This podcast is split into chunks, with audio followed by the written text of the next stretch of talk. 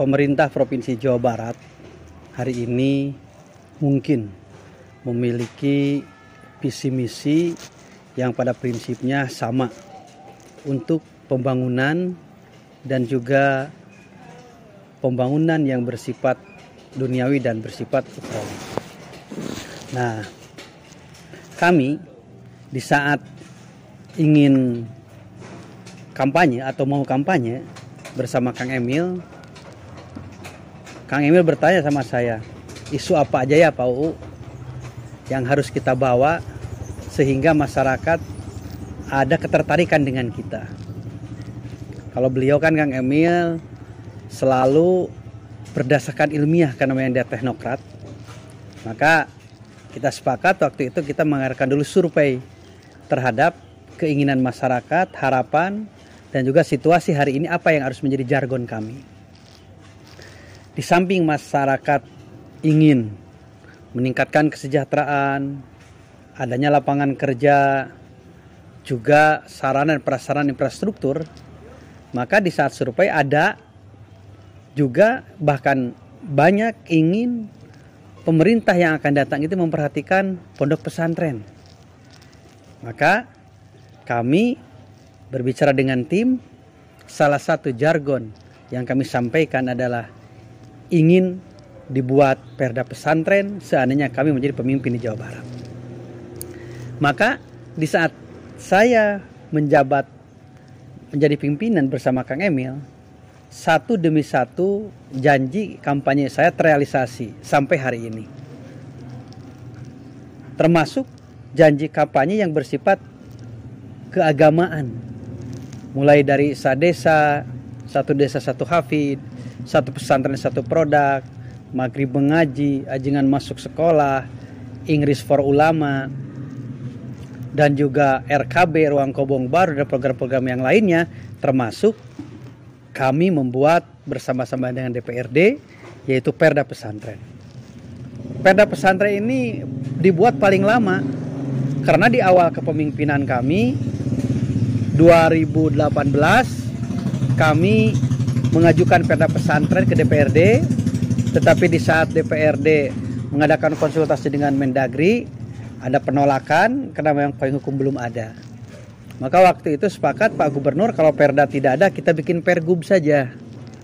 Nah tetapi Alhamdulillah dengan lahirnya undang-undang tentang pondok pesantren sekalipun waktu itu dibahas PMA-nya belum ada PP-nya belum ada tapi setelah konsultasi silakan bisa dibahas tentang perda pesantren maka akhirnya pada pesantren kita sepakati dengan DPRD bahkan nomornya pun nomor 1 tahun 2021. Bahkan ini konon kabarnya Perda ini yang pertama di Indonesia karena provinsi-provinsi lain belum membuat sebuah perda yang seperti ini.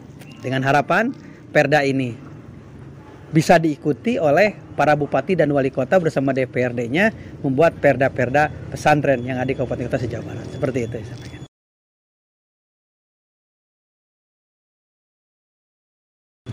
Kami mengadakan action setelah perda ini selesai. Karena masyarakat banyak yang menunggu tentang realisasi perda ini. Biasanya perda ini disosialisasikan setelah ada pergub atau di lembar negarakan. Tapi kami sebelum ada pergub atau lembar negara tentang juklak juknis tentang perda ini, kami langsung ngabret sosialisasi kepada masyarakat, terutama kepada para kiai dan pak ulama. Hari ini sudah sekitar 12 pesantren, bukan 12 pesan, 12 kabupaten kota yang dihadiri oleh para pimpinan pondok pesantren, pendiri pondok pesantren, sesepuh pondok pesantren, dan para asatid asatidah di mana semua menyambut baik bahkan mengucapkan terima kasih dan ingin segera menunggu realisasi dari perda ini. Kenapa kami sosialisasikan sebelum ada lembaran negara atau di Pergub Juklak Juknis? Karena kami mendengar dan mencari aspirasi, menyerap aspirasi apa yang diinginkan untuk teknis dari perda ini. Karena PDK kan secara global, saya sampaikan kepada masyarakat, kemudian ada eh, masukan-masukan dari masyarakat kemudian kami catat dan masukan-masukan itu tidak tertutup kemungkinan akan menjadi referensi kami dalam buat cuklak dan.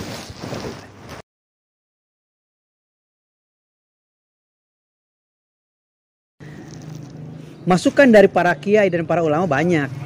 Antara lain, Pak UU, jangan sampai perda ini membuat mumet pusing kepada para kiai para ulama. Karena biasanya kalau ada bantuan dari pemerintah, ini suka dipusingkan dengan administrasi.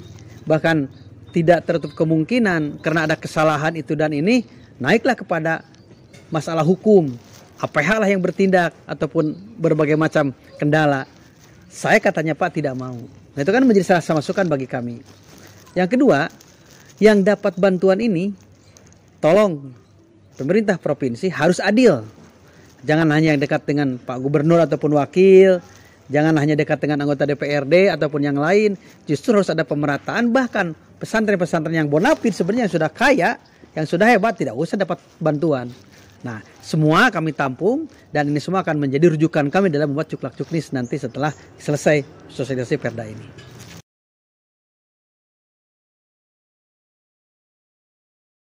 Ya, perda ini memiliki tiga tujuan secara substansi. Yang pertama, adanya pemberdayaan pondok pesantren yang dilakukan oleh pemerintah. Jadi pemerintah Provinsi Jawa Barat dalam pembangunan yang khusus berkaitan dengan keagamaan yang bersifat ukhrawi ini harus melibatkan pondok pesantren, harus melibatkan para kiai, harus melibatkan para jengan dan ulama. Yang kedua juga isa ijazah atau syahadah dari pondok pesantren ini akan diakui oleh pemerintah. Maka ada program-program makanya di sini kami bekerja sama dengan pihak Kementerian Agama. Kami tidak bisa lepas dari Kementerian Agama. Jadi saya bilang Pemprov dan Kementerian Agama Pemprov Jawa Barat ini seperti di wahid. Tidak bisa dipisahkan kami karena satu dengan lain sering keterikatan. Termasuk juga dalam syahadah ini kami bekerja sama dengan Kementerian Agama. Kemudian juga yang kedua ada kewajiban kami memberikan penyuluhan terhadap pondok pesantren. Tetapi penyuluhan ini tidak masuk kepada wilayah kurikulum. Karena kalau kurikulum pondok pesantren biasanya suka ikut menjiplak kepada kurikulum alma maternya. Kalau pesantren ini dari Gontor, maka sistem didaktik silabus yang ada pondok pesantren itu seperti Gontor. Kalau dari Lirboyo, kalau dari Kempek, Cirebon ataupun dari Babakan Ciwaringin ataupun termasuk dari Pondok Pesantren Miftul Huda maka kurikulumnya akan ikut kepada kurikulum yang di mana dia mesantren. Maka kami tidak masuk pada kurikulum tersebut. Tetapi kami yakin apa pun kurikulumnya tetap tri program pesantren akan menjadi acuan sebuah pondok pesantren. Yaitu satu, mencetak mutakin, orang yang takwa. Yang kedua, meningkat menjadi imam muttaqin, pemimpin orang yang takwa. Dan yang ketiga, ulama ul amilin, ulama yang mengamalkan ilmunya. Jadi tri program pesantren itu menjadi tujuan pondok pesantren, apa pun silabusnya, apa pun kurikulumnya.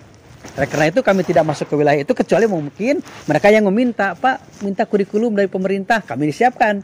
Sudah disiapkan di Kementerian Agama Provinsi Jawa Barat. Nah, yang akan kami bantu dalam penyuluhan adalah misalnya dalam bidang kesehatan, bidang lingkungan hidup, bidang kebersihan, bidang ekonomi, dan yang lainnya. Makanya perda ini merupakan berkaitan dengan seluruh kepala dinas yang ada. Bukan hanya dengan Kementerian Sosial eh, Kabiroyan Bansos atau dengan Kesra sekarang ataupun hanya dengan Kementerian Agama saja tetapi seluruh dinas dengan perda ini terkait dan memiliki tanggung jawab. Yang ketiga adalah bantuan. Bantuan di sini adalah bantuan yang bersifat reguler. Tidak bantuan yang seperti hari ini yaitu berbentuk hibah, tetapi tidak tertutup kemungkinan bantuan untuk pondok pesantren adalah terima jadi. Pemprov membangun asrama, kiai terima kunci. Pemprov membantu membangun madrasah, kiai terima kunci. Jadi nanti dikerjakan oleh rekanan, kiai tidak pusingkan untuk membangun. Begitu juga dalam bidang bantuan, tidak tertutup kemungkinan yaitu para kiai, para ulama dan para asatid dapat bisaroh, dapat bantuan per bulan dari kita. Kenapa saya bilang bisaroh? Karena mungkin hari ini belum bisa maksimal, sementara kan kerja para kiai, jasa para kiai sudah tidak terhitung. Tapi makanya bisaroh aja lah untuk membahagiakan. Tidak sesuai dengan kinerja karena memang kinerja sangat luar biasa. Dan juga tidak tertutup kemungkinan santri salafiyah yang selama ini saya bilang yatim piatu karena memang kalau santri salafiyah kan tidak masuk sekolah SD, SMP, SMA. Artinya tidak menerima bos dari Kementerian Pendidikan Nasional. Tidak juga masuk kepada san, madrasah ibtidaiyah sanawiyah aliyah. Artinya tidak mendapat bos juga atau artinya dia eh, tidak mendapat bos dari Kementerian Agama karena tidak masuk. Santri salafiyah ini adalah santri yang biasa ngaji tapi tidak masuk sekolah. Maka hari ini dia tidak dapat bantuan. Maka dengan perda ini santri salafiyah insya Allah akan mendapat bantuan dari pemerintah. Itu yang bisa saya sampaikan. Tiga.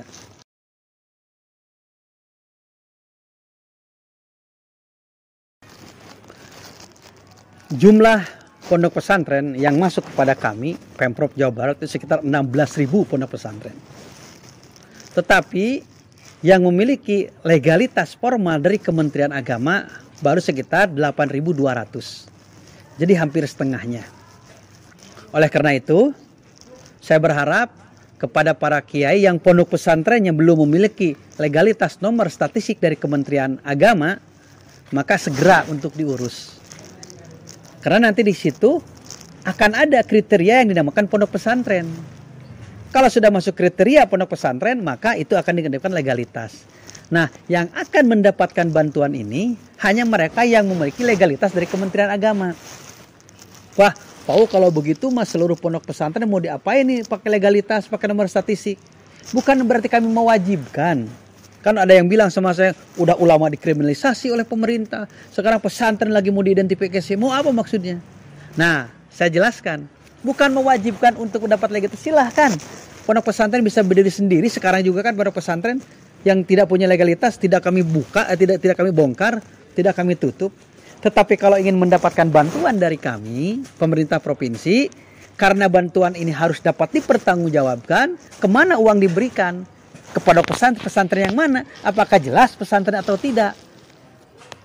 Maka yang mendapat bantuan ini harus pesantren yang memiliki legalitas dari Kementerian Agama. Jadi betul saya sampaikan tadi antara kami dan Kementerian Agama tidak dipisahkan bagaikan dua mata uang. Kalau satu tidak ada berarti tidak laku itu uang. Sekarang Kementerian Agama tidak bantu kami, maka kami tidak bisa melaksanakan perda ini. Kemudian juga bagi mereka yang ada sekolah formalnya, mungkin untuk siswanya nggak kebagian. Mungkin untuk guru negerinya nggak kebagian. Tapi kalau bantuan saran dan prasarana, bantuan penyuluhan, dan yang lainnya itu tetap akan mendapatkan bantuan sesuai dengan kemampuan kami pemerintah Provinsi Jawa Barat.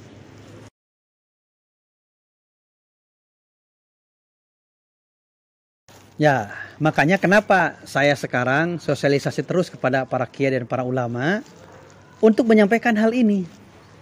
Karena kan terrealisasinya hal ini tidak langsung perda langsung dapat bantuan. Tapi ada proses. Maka di saat proses ini pondok pesantren mempersiapkan. Karena kalau tidak mendapatkan legalitas jelas itu tidak akan dapat.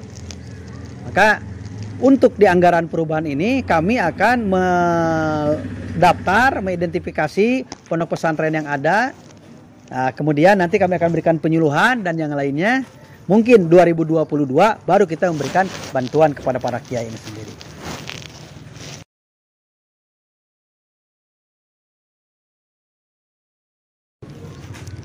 program-program yang selama ini sudah berjalan di saat zaman Pak Aher ataupun Pak Dani Setiawan, bahkan Pak Nurian dan yang lainnya, ini sangat banyak alhamdulillah. Zaman Pak Nuriana ada program dulu Sariksa, Santri Raksa Desa. zaman Pak eh, Dani dulu ada juga bantuan. Zaman Kang Aher apalagi ada yang dinamakan RKB, Ruang Kobong Baru. Zaman Pak Emil sekarang di Jamu program santri raksa desa yang di zaman Pak Nuriana, zaman Pak Dani, zaman Pak Aher di Jamu semua sehingga kami lebih memberikan perhatian lebih kepada para kiai dan pondok pesantren termasuk sekarang adanya perda ini ada sebagai bentuk penghargaan, bentuk pengakuan pemerintah terhadap pondok pesantren. Ada sadesa saya sampaikan tadi, satu desa satu hafid, itu dikasih bantuan sama kami. Setahun 1.500 orang, sekarang sudah tiga tahun, hampir hampir 3.500. Dikasih bantuan biaya pendidikan untuk menghafal Al-Quran. Begitu juga bantuan kepada para kiai untuk belajar bahasa Inggris dan dikirim ke luar negeri dibiayai oleh kami. Begitu juga para santri kalau ingin keluar negeri sesuai dengan kriteria bisa diberi bantuan. Dan juga RKB Ruang Kobong Baru insya Allah bisa mendapatkan sesuai dengan kemampuan dan yang lainnya. Artinya sudah banyak tetapi tidak memiliki payung hukum yang jelas hanya perda saja. Hanya perda APBD saja yang menjadi payung hukumnya. Nah sekarang di samping perda APBD ada lagi konsiderannya yaitu undang-undang dan juga konsideran yang lebih spesifik adalah perda pesantren.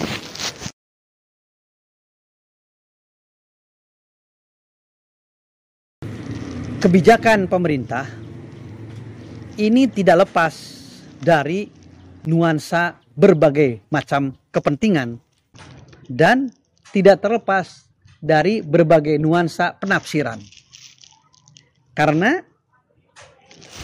pejabat ini memiliki beberapa dimensi termasuk pejabat publik. Kami bersama Pak Emil adalah pejabat publik. Yang orang bisa menafsirkan, yang orang bisa memakai kacamata berbagai macam terhadap penafsiran Pak Gubernur ini, termasuk perda pesantren. Tapi ingat, tidak ada keputusan pemerintah yang tidak bernuansa politik. Kita jangan a priori terhadap politik. Seluruh kebijakan yang ada di negara ini tidak lepas dari politik. Adanya hot mic yang kita pakai itu kebijakan politik. Baik di jalan provinsi, Perda DPRD, jalan nasional, APBN, keputusan politik. Jalan kabupaten kota itu juga keputusan politik. Adanya air minum juga itu semua tidak lepas dari kebijakan politik. Oleh karena itu, saya berharap masyarakat jangan terlalu a priori lah, jangan terlalu benci terhadap politik. Tetapi hari ini kami membuat perda ini adalah sebagai tanggung jawab kami selaku pimpinan karena Jawa Barat adalah pondok pesantrennya banyak dan wajar kalau pemerintah memperhatikan pondok pesantren karena pondok pesantren adalah sebuah lembaga yang sudah berjasa terhadap bangsa dan negara baik di saat pas sebelum kemerdekaan pra kemerdekaan, masa kemerdekaan, setelah kemerdekaan sampai hari ini dalam rangka pembangunan karakter building, pembangunan manusia seutuhnya. Ini adalah fungsi dan karya para kiai dan para ulama sehingga Jawa Barat bisa seperti ini. Maka wajar kalau kami memperhatikan sebenarnya para kiai tidak minta, sebenarnya para kiai tidak mau. Kalaupun mau, para kiai datang ke DPRD. Kami minta dianggarkan untuk pondok pesantren karena kami sudah berjasa atau datang ke APB ke DPR RI tapi kan mereka tidak tidak ada yang protes dia dapat anggaran padahal jelas sejarah membuktikan bahwa para kiai para ulama para santri sangat berjasa terhadap bangsa dan negara nah oleh karena itu jangan ada penafsiran-penafsiran yang enggak-enggak yang penting mudah-mudahan dengan perda ini bisa maslahat, bisa manfaat dan bisa berguna bagi kita semua. Pemerintah Provinsi Jawa Barat berjalan dengan baik. Insya Allah akan memperhatikan lapisan masyarakat sesuai dengan kemampuan kami. Seperti itu.